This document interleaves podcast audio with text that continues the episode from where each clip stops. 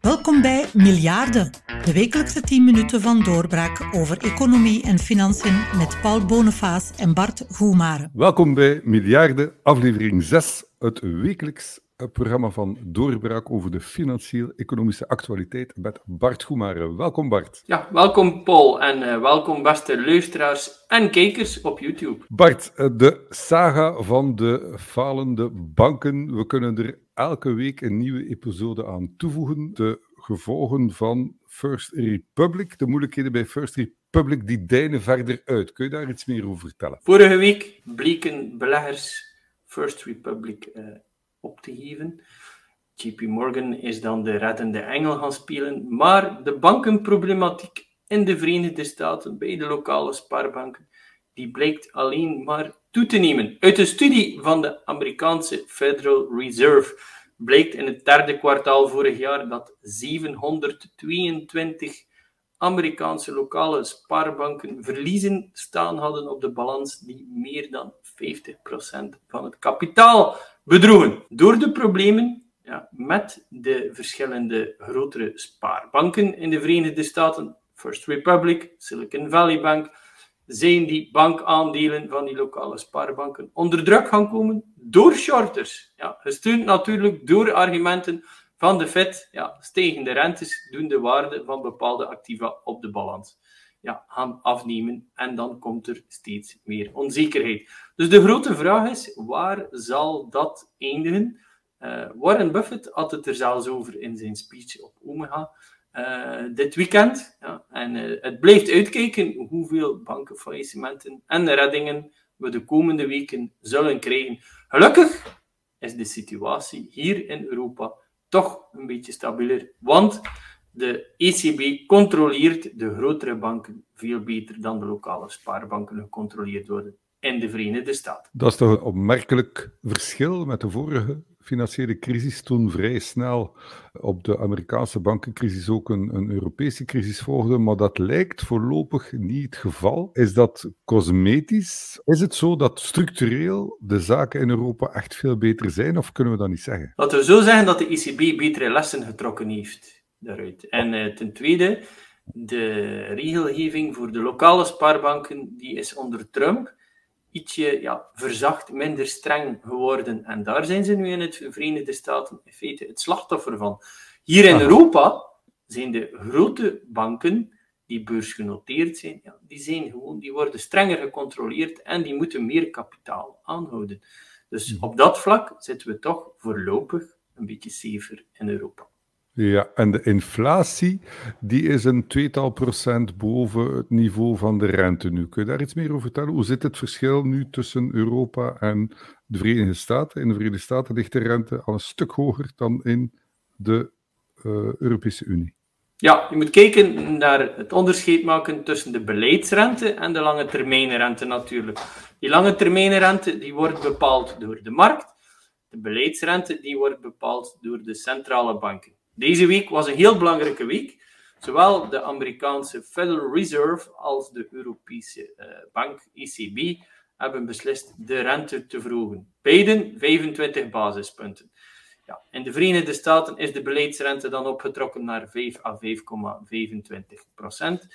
Ja, in Europa ja, is die rente, ja, die staat ietsje lager, die staat nu op 3,25 procent. Dus het renteverschil tussen de Verenigde Staten en Europa is nog altijd substantieel. Nu, wat heel bijzonder is, is dat uh, ja, de Amerikaanse Federal Reserve, de voorzitter Powell, die heeft gehint dat er misschien maar een pauze in, op het vlak van renteverhogingen gaat komen. Hij heeft dat niet met zoveel woorden gezegd, maar als je de notulen van de Amerikaanse Federal Reserve bekijkt, ja, dan merk je dat een aantal zinnen weggelaten zijn die hinten op een verdere verstrakking. En de markt interpreteert dat onmiddellijk als oké, de Amerikaanse Federal Reserve die had op de rem gaan staan omdat men voorzichtiger is. Nochtans, de werkloosheidscijfers die de voorbije week uitgekomen zijn in de Verenigde Staten, die, uh, ja, die waren best goed. Hè. Er zijn uh,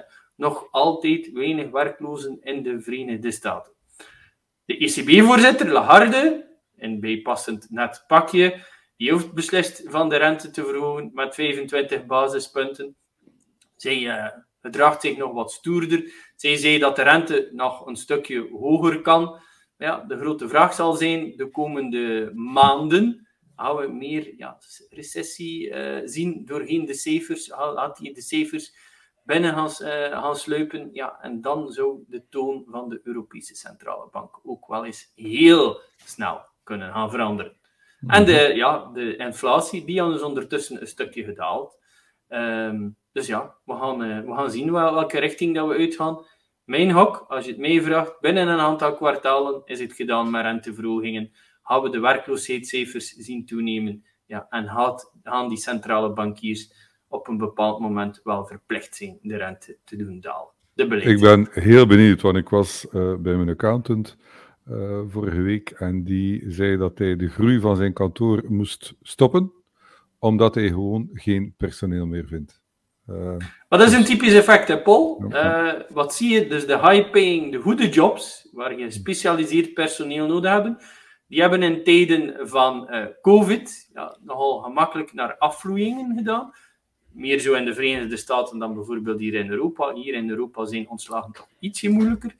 Maar die bedrijven, ja, die hebben dan opnieuw beslist van volk te gaan aannemen. Hebben heel hard moeten zoeken om een personeel uh, te vinden. Hebben in de Verenigde Staten moeten hogere lonen gaan betalen. Mhm. Ja, en natuurlijk ben je als bedrijf dan voorzichtiger als het om ontslagen gaat. Nochtans, als je andere economische cijfers ziet, bijvoorbeeld Recticel, die uh, een week geleden met cijfers uitgekomen is, dan zagen we in het eerste kwartaal al een volumedaling van meer dan 20% vriend in de bouw die mij belt, bij de notarissen, aan zee, aan de kust in België, dat, men, uh, dat er lichte paniek is, omdat de huizen verkopen en de appartement verkopen, ja, dat die in elkaar aan het zakken zijn. Dus je ziet steeds meer tekenen dat we naar een economische vertraging gaan, Alleen zie je het nog niet in de werkloosheid.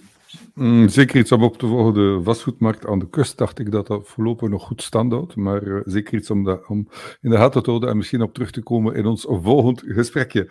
Bart, ondertussen, als we het over werkloosheid hebben en werkloosheidscijfers, dan moeten we het natuurlijk hebben over 1 mei. Welke spectaculaire verklaringen zijn daar deze keer afgelegd? Zoals ik vorige week zei, op 1 mei legt iedere socialist en communist We hebben een aantal fantastische uitspraken gezien. Tax the rich, zei P van de A, belast de rijken. Allemaal fantastische dingen. Maar de meest in het oog springende uitspraak, ja, die was toch van Conor Rousseau, waarin hij het had over de rijkste Fransman die zijn geld in België parkeert. Ja, en dat als argument vond om de rijken te gaan belasten. Nou, dan heb ik daar uh, een, een aantal vragen bij ja, laten we die buitenlanders eens gaan belasten in België. Wat denkt u dat er zal gebeuren? Dat geld zal hier niet geparkeerd blijven. En dan gaat er jobverlies mee gepaard. Toere verklaringen en eigenaardige wendingen in Zimbabwe. Zijn ze met spectaculaire innovaties bezig? Daar wil men beginnen met een digitale token.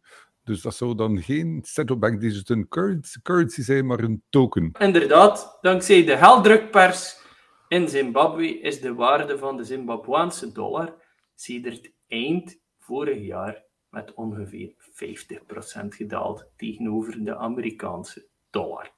Ja, de lokale overheid wil daar iets aan doen en men heeft een tijdje geleden sowieso al uh, gestart met de verkoop van lokaal geproduceerde houtmunten. Die verkopen natuurlijk als zoete broodjes, men wil daar nu een uitbreiding aan breiden en men heeft in feite, men plant uh, de verkoop te starten van houtgelinkte digitale tokens. En dat zijn in feite ja, tokens, digitale munten, die zouden na 180 dagen in hout omgewisseld kunnen worden bij de lokale centrale bank. Mhm. Het initiatief wordt ondersteund door de overheid en natuurlijk de centrale bank.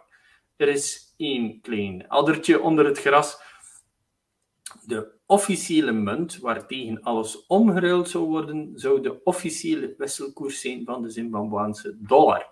Ja, niet de officieuze, dus de koers die op de zwarte markt gegeven wordt uh, voor een Amerikaanse dollar. Ja, waardoor dat uiteindelijk ja, men de eigen munt een beetje wil gaan ondersteunen. Het is natuurlijk wel interessant, en dat is het, uh, dat denk ik, uh, dat het toch meest in het oog springt, dat men houdt kiest uh, als Mhm. ja, een soort van reservemunt. Het is Ja. in dit geval digi- een digitale token, maar het weest toch allemaal dezelfde richting uit. Maar weet je, Paul, de houtkoers, ja, die heeft de voorbije week zijn hoogste niveau ooit bereikt. 2072 dollar voor een ounce. Ondertussen Betekent dat dat we nu allemaal moeten verkopen, Bart? Hoogste koers ooit, dan zijn er altijd heel veel mensen die direct in paniek eh, naar eh, de bank lopen, wij van spreken, om hun hout te verkopen.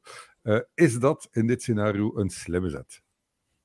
Wel, of het een slimme zet is, dat zullen we pas later weten, Paul. Ik ben ook Madame Soleil niet. Ja, maar als je het vanuit een technisch oogpunt bekijkt... thema in deze uitzending. Bart is niet Madame Soleil. Ja, maar eh, als je het vanuit technisch oogpunt bekijkt, ja, dan is die koersversnelling die we momenteel zien bij het goud, die is nog niet overdreven. Hè. Het, Ja. is altijd pas als je in de brede media over torenhoge koersen leest, ja, en de nieuwe beleggingen waarin je moet stappen, eh, die, die veel te duur opgelopen koersen waarin je moet gaan beleggen, als we dat zien, ja, dan moet er een, een zwaailichtje gaan branden. Momenteel zien we dat nog niet. De houtprijs is ook wel wat teruggevallen. Het was misschien op korte termijn wat te sterk gestegen. Maar ja, technisch gezien wijzen alle pijlen in dezelfde richting. En dat is dat de komende kwartalen de houtprijs waarschijnlijk verder zal toenemen. Zeker als je weet dat de centrale banken op de rem gaan staan op het vlak van de renteverhoging. En op deze positieve noot gaan we eruit. Bart Goemare, hartelijk dank voor uw commentaar en tot volgende week. Tot volgende week en fijn. U luisterde naar Miljarden, een podcast van Doorbraak. U kan deze podcast altijd opnieuw beluisteren op doorbraak.be-radio. Nog meer nieuws, analyse, interview en opinie vindt u op doorbraak.be. Word proefabonnee of abonnee van Doorbraak op doorbraak.be-abonnement en mis nooit nog een aflevering.